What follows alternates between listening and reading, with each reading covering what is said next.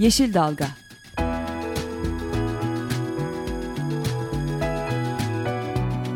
Çevre mücadeleleri üzerine.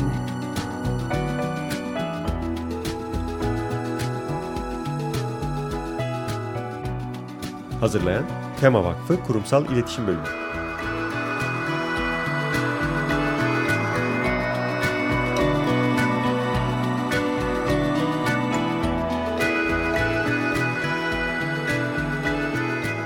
Yeşil Dalga programına katkılarından dolayı Willow Pompa Sistemlerine teşekkür ederiz. Merhabalar, Tema Vakfı tarafından hazırlanıp sunulan Bir Yeşil Dalga programında daha sizlerle birlikteyiz. Ben Esra Yazıcı Gökmen. Ben Beyza İlhan.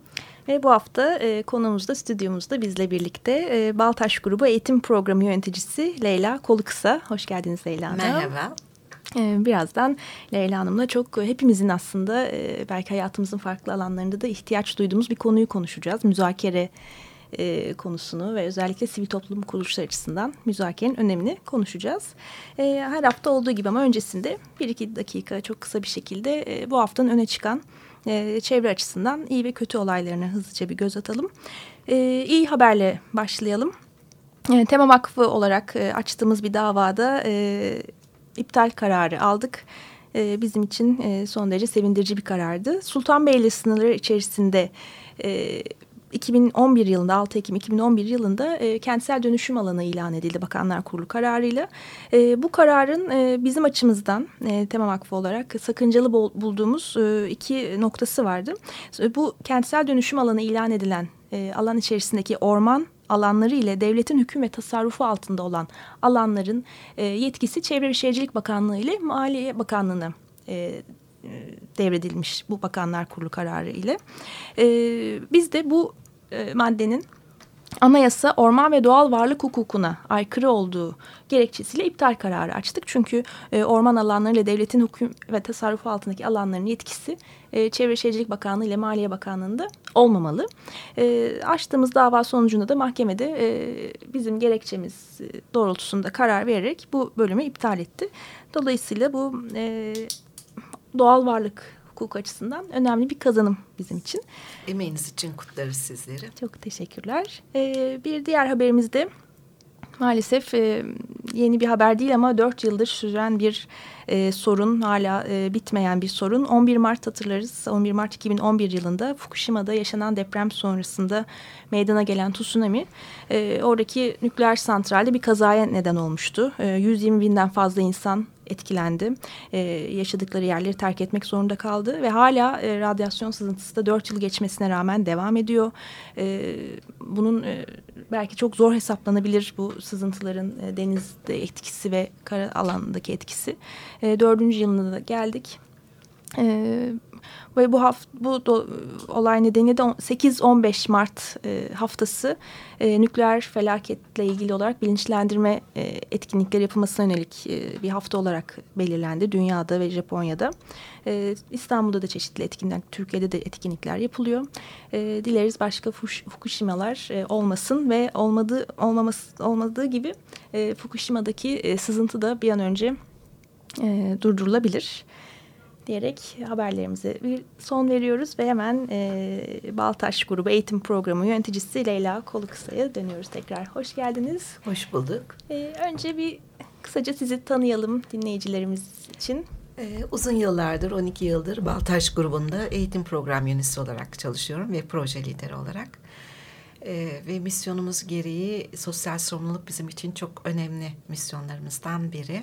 Ve tüm Baltaş grubu e, üyeleri de bu konuda oldukça duyarlı e, ve elimizden geldiğince üstümüze düşeni yapmaya çalışıyoruz. E, zaman zaman sivil toplum örgütleriyle projelerde işbirliği ve destek içerisindeyiz. Temayla da böyle bir yol arkadaşlığına girmek bizim için çok keyifli. Hepimiz, bütün çalışanlar bu konuda çok mutluyuz. Ve o kapsamda da bugün sizlerin misafir olmak e, keyifli. Çok teşekkür ederim davetiniz için. Teşekkür ederiz. E, Leyla Hanım'ın dediği gibi e, insan kaynakları süreçlerimizin yapılandırmasıyla yola çıktık aslında. Ama e, şimdi başka başka eğitim e, olsun, diğer eğitim bölümümüzün programlarının geliştirilmesi olsun birçok konuda Baltaş'la işbirliği yapıyoruz. E, Ocak ayında iki farklı grupla hem tema çalışanları hem diğer STK çalışanlarının da katılımıyla e, iki tane eğitim yaptık. Müzakere teknikleri eğitimi. Sivil toplum kuruluşları içinde en önemli konulardan bir tanesi aslında müzakere. Kesinlikle. Bunu iyi yapabiliyor olmak, haklılığımızı savunabilmek adına bizim için çok önemli bir konuydu. O yüzden biz de e, Baltaş'tan böyle bir eğitim aldık. Bizim için çok faydalı oldu Leyla Hanım. Çok güzel geçti bu iki Ne gün. güzel. Her iki grupta çok memnun kaldı eğitimden. Birçok kazanımımız oldu zaten eğitimle ilgili. Sonrasında kendi aramızda yaptığımız toplantılarda da bunu görmüş olduk. bir faydamız olduysa ne mutlu. Gerçekten e, benim de daha önceki iş hayatımda sivil toplum örgütleri deneyimimin olması evet müzakere tüm hayat için çok önemli bir yetkinlik. E, sivil toplum örgütlerinde çok daha önemli bir yetkinlik. Çünkü bir dava için, e, toplumsal e, sorumluluk için yapılan bir şey. E, Dolayısıyla e, bu e, hizmeti vermek, karşılıklı bu çalışmayı yapmak da benim için çok öğretici ve çok keyifliydi. Ben de teşekkür ederim böyle bir fırsat sunulduğu için. E, Şimdi dilerseniz e, dediğiniz gibi sivil toplum kuruluşları yani bizler için e, müzakere konusu çok önemli. E, orada e, doğru noktalarda doğru adımlar atmak önemli. İlk şöyle başlayalım isterseniz. Müzakere deyince ne anlamamız gerekiyor çok e, kısa bir şekilde? Aslında müzakere sabah kalktığımızdan itibaren bütün hayatımızda var olan bir şey. İşte çocuğumuzla, işimizle, komşumuzla, yöneticimizle e, sürekli yaptığımız bir etkinlik aslında baktığımızda. E, tabii ki bir amacı olmalı ama herhangi bir görüşme değil bir müzakere, müzakere tekniği dediğimizde hele sivil toplum örgütleri için bunun önemi çok daha e, büyük. Yapılandırılmış bir süreç diyelim. Tarafların ortak bir faydaya gelebilmesi için, bir sonuca gelebilmesi için karşılıklı bir işbirliği içerisinde fikir alışverişinde bulunma süreci diyebiliriz. Müzakereyi sivil toplum örgütleri için böyle tanımlayabiliriz. Taraf ya da taraflarla yürüttüğümüz sonuca yönelik bir süreç. e, o süreçte yaşadığımız durum diyebiliriz. E, Peki sivil toplum kuruluşları için baktığımızda bizim e, duruşumuz ne olmalıdır? Yani bir e, taraf mıyız? E, nasıl bunu kendimizi konumlandırmamız gerekir? İşte en kritik noktada bu. Evet, sivil toplum örgütü olarak bir şeyimiz var, amacımız, bir vizyonumuz var, bir misyonumuz var ve o noktada da hedeflerimiz var. E, o hedeflere gitmeye çalışıyoruz. Ancak bir sivil toplum örgütü üyesi olarak taraf olmaya başladığımız anda haklı ve haksız savaşına gidiyoruz ve haklı haksız savaşına girdiğimiz noktada sonuca gitmek çok zorlaşıyor.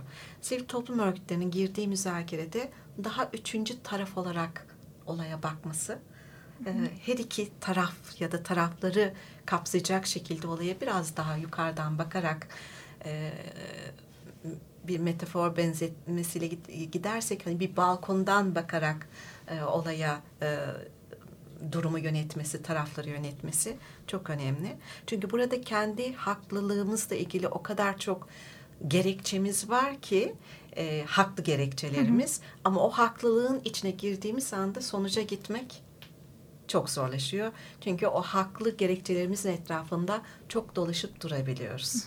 Oysa yürümek gerekiyor. Yürümek gerekiyor. Hı hı.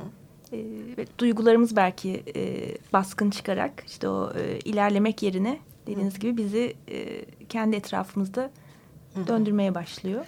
Duygular da devreye girdiği zaman mantık onu gerekçelendirmek için bir sürü tabii ki gerek, e, şey üretmeye başlıyor.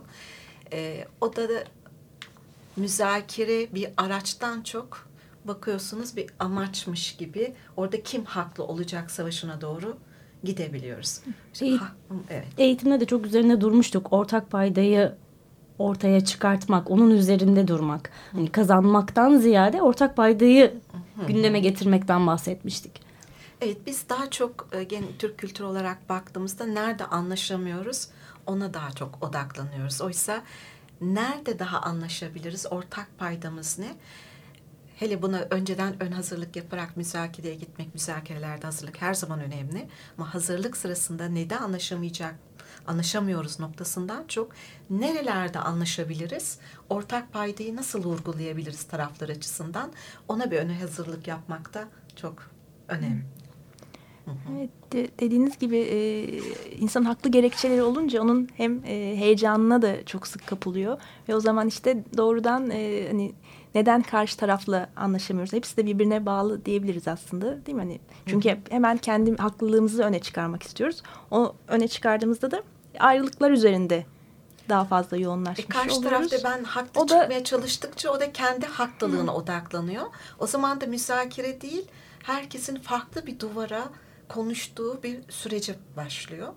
Ve tabii ki orada duyguyu yönetememek e, bizi zorluyor. Olumlu duygu ortamını kaçırmak. O yüzden sivil toplum örgütlerine düşen şey e, taraflar arasında olumlu duygu yaratacak bir platform yaratması toplantıda çok önemli. Evet, e, toplantı dediğiniz mesela biz de eğitimden sonra e, dikkat ettiğimiz konulardan biri de hani kurum içinde de e, toplantılar yapıyoruz. Bunların daha e, verimli geçtiğini fark ettim ben de açıkçası. Yani hem e, öncesindeki hazırlık, e, konuşulacak konuyla ilgili olarak e, toplantı esnasında konudan e, çok sapmadan e, gündem doğrultusunda ilerlemek, sonuçları ile ilgili olarak herkesin mutabık kalması gibi konular aslında çok önemli. Bunun bilincinde olunca e, toplantının verimi de artıyor. E, bu da her e, zaman açısından, işlerin hızlı ilerlemesi açısından çok Evet, yansıyor. toplantılara bir hazırlık ve bilgiyle gelmek gerçekten e, müzakere sürecini kolaylaştırıyor. Bizde pek hazırlık e, olmaz. Daha çok girerken e, yapılan hazırlıklar olur. Ne kadar konu hakkında bilgiye sahipsek karşı tarafı ikna etmek o kadar kolay oluyor. Ama biliyor olmak bildiğimizi hemen hepsine aktarmak değil. Bilgiyi de tasarruflu kullanmakta fayda var. O fazla bilgi de karşı tarafın kafasını çok karıştırabiliyor bazen. Ee, hele yerel halkta yapılan müzakerelerde bunun oldukça sanıyorum örneklerini yaşıyorsunuz. Eğitimde de paylaştığınız üzere. Ve Eğitimde de bir şey söylemiştiniz. O da çok önemli. Bence müzakere öncesinde başlıyor. Yani hem hazırlıkla yani o anki taraflar bir araya geldiğin noktasından çok daha öncesinde e, başlayan bir süreç. Hı hı. Aslında e, yüz yüze görüşme artık işin e, sahne kısmı. Asıl müzakere sıkı bir hazırlıktan geçiyor. Ama bu hazırlık hani cebimizin dolu olması önemli. Ama gittiğimizde cebimizin hepsini boşaltmak değil, müzakere sırasında o bilgiyi tasarruflu kullanmak e, ve dozunda kullanmak sonucu da etkiliyor. Bazen o heyecana kapılıyoruz. Konu hakkında çok uzman olduğumuz için her birimiz kendi sivil toplum örgütlerinde ve de çok tutkulu bu davaya inanarak çalışanlar olduğu için o bazen o bilgiyle karşı tarafı e, kilitleyebiliyoruz da. Onu da doğru kullanmakta fayda var. E, peki bir önemli nokta daha var e, bizce. Karşı tarafı ikna etmek Hı hı. dediğimizde bu noktada nelere dikkat etmek gerekiyor? Hemen aklıma gelen üç şey. Bir güvenirlilik çok önemli. Hani söylem eşittir eylem dediğimiz ve şeffaf olabilmek. Hele günümüzde şeffaf olabilmek artık bir zorunluluk. Çünkü e, kanallar, sosyal kanallar e, sayesinde e, şeffaflık artık zorunluluk hale geldi. E, söylem eşittir eylem dediğimiz söylediğimizde yaptığımızın bir olması ve karşı tarafta bu güveni hissettirebilmek. Bilgili olmak deminki söylediğim şey konu hakkında gerçekten tutarlı bilgiye sahip olabilmek ve de müzakere süreci içerisinde olumlu duygu ortamı yaratabilmek, duyguları karşılıklı yönetebilmek, hem kendi duygumuzu hem de karşı tarafın duygusunu yönetebilmek önemli. O zaman ikna daha kolay geliyor. Burada tabii müzakere teknikleri giriyor devreye. hangi durumda hangi müzakere tekniğini kullanacağımız konusunda ne diyebilirsiniz bize? Nasıl bir yol gösterebilirsiniz? Şimdi müzakere demek e, hatırlarsınız eğitimimizin ismi de kazanmak yetmez diyoruz. Kazanmak her zaman kazandığımız anlamına gelmiyor. Şu an kaybederiz ama e, iler e, bu şu anki yaptığım e, eylem bir sonraki şeyde bana fayda sağlar. Şu, e, ya da tam tersi olabilir. Yani duvara çentik atıp şimdi kazandım, şimdi kazandımla sadece biz kazandığımızı zannediyoruz. Kendi haklılığımızdan çok durumun haklılığına odaklanmakta fayda var. Müzakerede de her zaman e, bir tarafın kazandığı, bir tarafın kaybettiği bir durum diye bakmak e, doğru değil. Bazen karşı tarafın dediğini yapmak da bizim faydamıza olabilir. Durumun içine Hangi girdiğimizde, müzakere ettiğimizde belki biraz geri adım atmak ya da fedakarlık yapmak ya da şu an karşı tarafın ihtiyacının çok daha öncelikli olduğunu görüp ona odaklanmak bu bizim kaybettiğimiz anlamına gelmez. Durum kazanıyor çünkü. Durumun faydasına o an karşı tarafın dediğini yapmak. Oturduk müzakere ettik ve müzakere sırasında baktık ki karşı tarafın fikri, önerisi duruma daha çok fayda sağlayacak. Tabii ki o zaman bu kaybettim demek değil, durum kazanıyor. Zaten ondan bir sıyrılabilirsek e, sanıyorum daha kolaylaşacak müzakereler. Ya da bazen karşılıklı pazarlığa da gidebiliyoruz. Bir adım siz atın, bir adım biz atalım, bir adım siz geri çekilin, bir adım biz geri çekelim diye. Bunu tem olarak siz çok iyi bilirsiniz. İşte yerel bir projede o konuda bir yatırım var ve de o ziyan edile, edilemeyecek bir yatırım. Ee, bakıyorsunuz oturuyorsunuz hepten kaybetmektense hı hı. oturalım karşılıklı ne kadar taviz verebileceğimizi durumun faydası için oradaki halkın için oradaki coğrafyanın için nasıl daha ortak bir payda geleceğimiz konusunda pazarlıkta yapabiliyoruz. Bazen durumu geciktirmek bile fayda olabiliyor hı. ki yine sizin projelerde bunu karşılaştığımız evet, olay. Evet. Bazen yani durumdan biraz kaçınmak, durumu bekletmek, hı hı. müzakereye girmek yerine şu an elimiz güçlü değilse bunu şu an faydaya dönüştüremeyeceksek en azından bekletmek de bazen çözüm olabiliyor. Hı. Bazen de uzun uzadıya tüm tarafları içine alan, çok emek isteyen işbirliği tarzı dediğimiz karşılıklı herkesin e, ortak tanıma gittiği, ortak tanımdan e, farklı önerilere gidildiği, farklı olaylara farklı pencerelerden bakıldığı ve her iki tarafı da memnun edecek ve durumun faydasına karar alınacak uzun uzadıya müzakerelerde bazen uzun vadede bizim işimizi çok gere, e, yarayabiliyor. Ama bazen de anlaşamayabiliyoruz. Hep ortak nokta o zaman şu kendimizi bir kenara koymamız gerekiyor. Hı. Tamamen e, duruma e, odaklanmamız gerekiyor diyebiliriz değil mi? Yani şartlar ne olursa olsun, hangi müzakere tekniği e, o gerektiriyor olursa olsun Hı. bizim birinci önceliğimiz e, durumun kendisi. Evet, biz da, değil, durumun Hı. kendisi. E, durumun kendisine odaklanabilmek için de taraflar olmak yerine üçüncü taraf dediğimiz olaya biraz daha balkondan Dışarıdan. bakabilmek. Hı. Dışarı, e, yukarıdan bakabilmek Hı. olaya ve diğerlerinin de oradan bakması için olumlu duygu ortamı yaratıp onları da oraya çıkarıp oradan durumu çözmeye çalışmak. Burada da sıkı duygu e, yönetimi Yönetim. gerekiyor. E, sivil toplum örgütü çalışan olduğumuzda da davamıza çok inandığımız için duygu bize ayak bağı olabilme riski çok daha fazla. O yüzden o konuda yetkinlik geliştirmek önemli. Üçüncü taraf olabilmek Hı. için.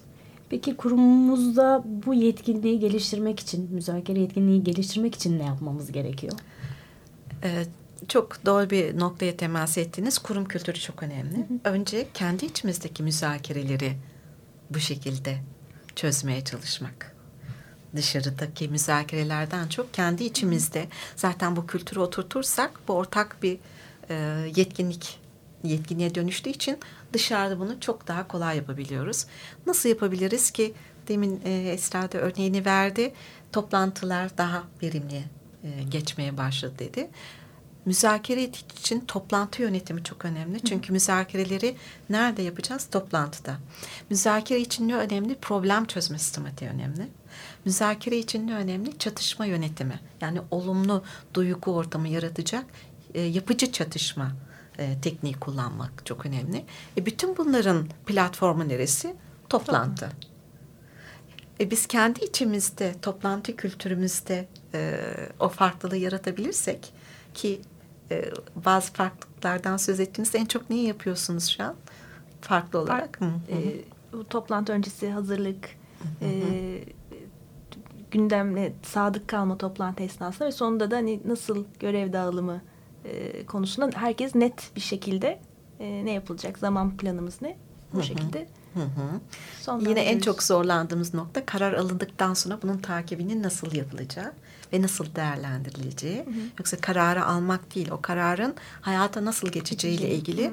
ve eylem planına gitmeden ödevleri almadan oradan çıkmak ve bunun da takibinin yapılmaması aynı konunun bir daha bir daha masaya getirilip bıktırıncaya kadar e, birbirimizi ve konunun etrafında dolaşıp birbirimizi e, daha dibe doğru çekmeye başlıyor. Çok iyi niyetle yaptığımız bir şey. Hı hı. Dava için yaptığımız bir şey. E, ancak farkına varmadan konu etrafında dolaşmaya başlıyoruz. Birlikte yanımıza alıp yürümek yerine böyle bir sürece doğru gidebiliyoruz. O yüzden kurum kültüründe oturtmada toplantı kültürü misafirler için hı hı. oldukça önemli. Bir de ne çok önemli?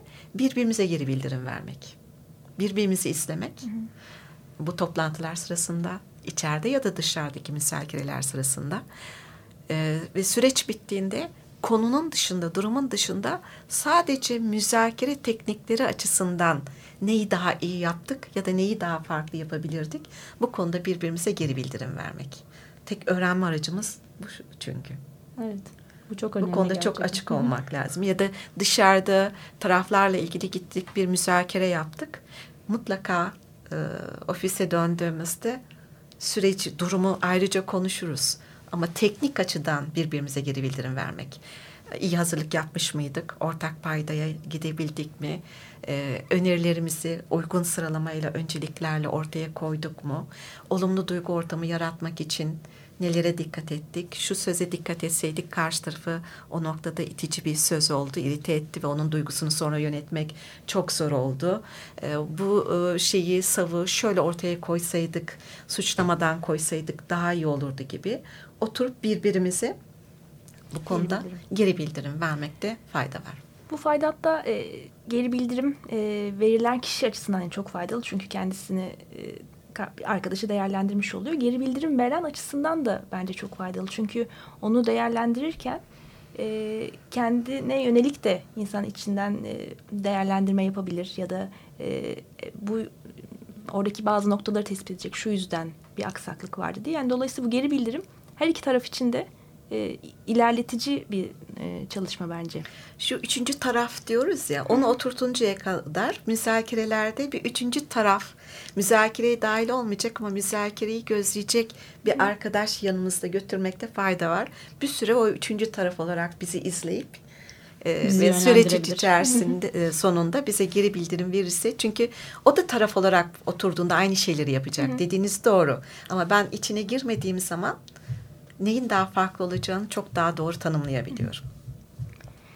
Peki Leyla Hanım, e, müz müzakereleri yaptık doğru tekniklerle e, ve bir sonuna geldik. Hani bu sonunda hı hı. E, beklentimiz ne olmalı? Her zaman e, gerçi biraz değindik de buna. Hani hep e, biz haklıyız, kazanmalıyız gözümüze bakmamız gerek, bakmamamız gerekiyor. E, genel olarak müzakerenin nasıl sonuçlanması e, istenebilir? Evet müzakere her zaman bir tarafın kazandığı bir tarafın kaybettiği durum değil. Demin söylediğim gibi bazen e, bu çekindiğimizden, e, korktuğumuzdan değil, bazen gerçekten duruma fayda sağlayan karşı tarafın fikridir ve onun dediğini yaparız. Bazen oturup dediğim gibi e, karşılıklı bir bedel ödemeye doğru gidebiliriz. Ama bazen anlaşamayacağımız konusunda anlaşmak da bir müzakere sonucudur. Evet, Her... Eğitimde bunun üzerine çok durmuştuk. En çok bunu sevdiniz galiba. en çok bu sloganı sevdik. Her zaman anlaşmak mümkün değil. Deminki e, programa girerken e, davayı kazandık dediniz. Biz de çok mutlu olduk. Çünkü hepimiz için durum haklı orada. Bir üçüncü taraf gözüyle baktığımızda burada tutup e, gelin birlikte el sıkışalım olmaz. E, anlaşamayacağımız konusunda bir nevi mahkeme ne yapmış? Anlaşamayacağımız konusunda e, anlaştırmış bizi ve kazanan taraf biz olmuşuz. Ki doğrusu da bu. Her zaman e, bütün, önemli olan bu süreç boyunca tüm şeyi e, kullanabilmek. Tüm iyi niyetle durumun haklılığına e, kendi haklılığımıza değil durumun haklılığına odaklanmak. Ama buna rağmen durum zarar görecekse orada da gereken hukuksal süreç neyse e, yapılması gerekenler neyse e, yasalar doğrultusunda elbette e, karşı tarafın kaybetmesi için tüm mücadele yapılmalı. Ama orada da ne konuda anlaşmak çok önemli. En azından masadan anlaşamayacağımız konusunda anlaşarak kalkmak da önemli bir olgunluk diyorum. İlişkiyi bozmadan. Evet. evet. Herhalde en önemli Bunu da nokta açık bu. ve net şeffaf bundan sonraki süre için bu şekilde devam edeceğini karşılıklı sıkışarak işte ne nasıl bir e, sürece gideceğimizi çok net açık belirterek masadan kalmak kalkmak da bir anlaşma. Peki Leyla Hanım çok teşekkür ediyoruz. Keşke süremiz daha uzun olsaydı çok önemli ve e, üzerinde uzun uzun konuşulacak konular. Son bir cümle e, alıp sizden programımızı hemen kapatalım. E, Ben çok teşekkür ediyorum davetiniz için. Tema ile birlikte işbirliğine ve desteğe gitmek bütün Bahtaş grubunu heyecanlandırıyor. Umarım çok güzel işler yapacağız. Biz teşekkür ederiz katıldığınız için de. E, haftaya görüşmek dileğiyle. Hoşçakalın. Hoşçakalın. Hoşçakalın. Yeşil Dalga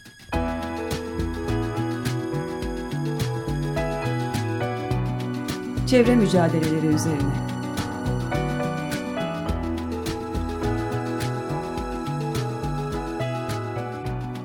Hazırlayan Tema Vakfı Kurumsal İletişim Bölümü.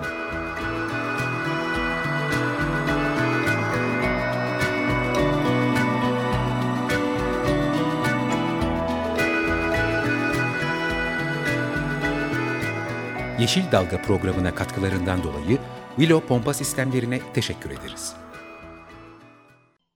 Açık Radyo program destekçisi olun. Bir veya daha fazla programa destek olmak için 212 alan koduyla 343 41 41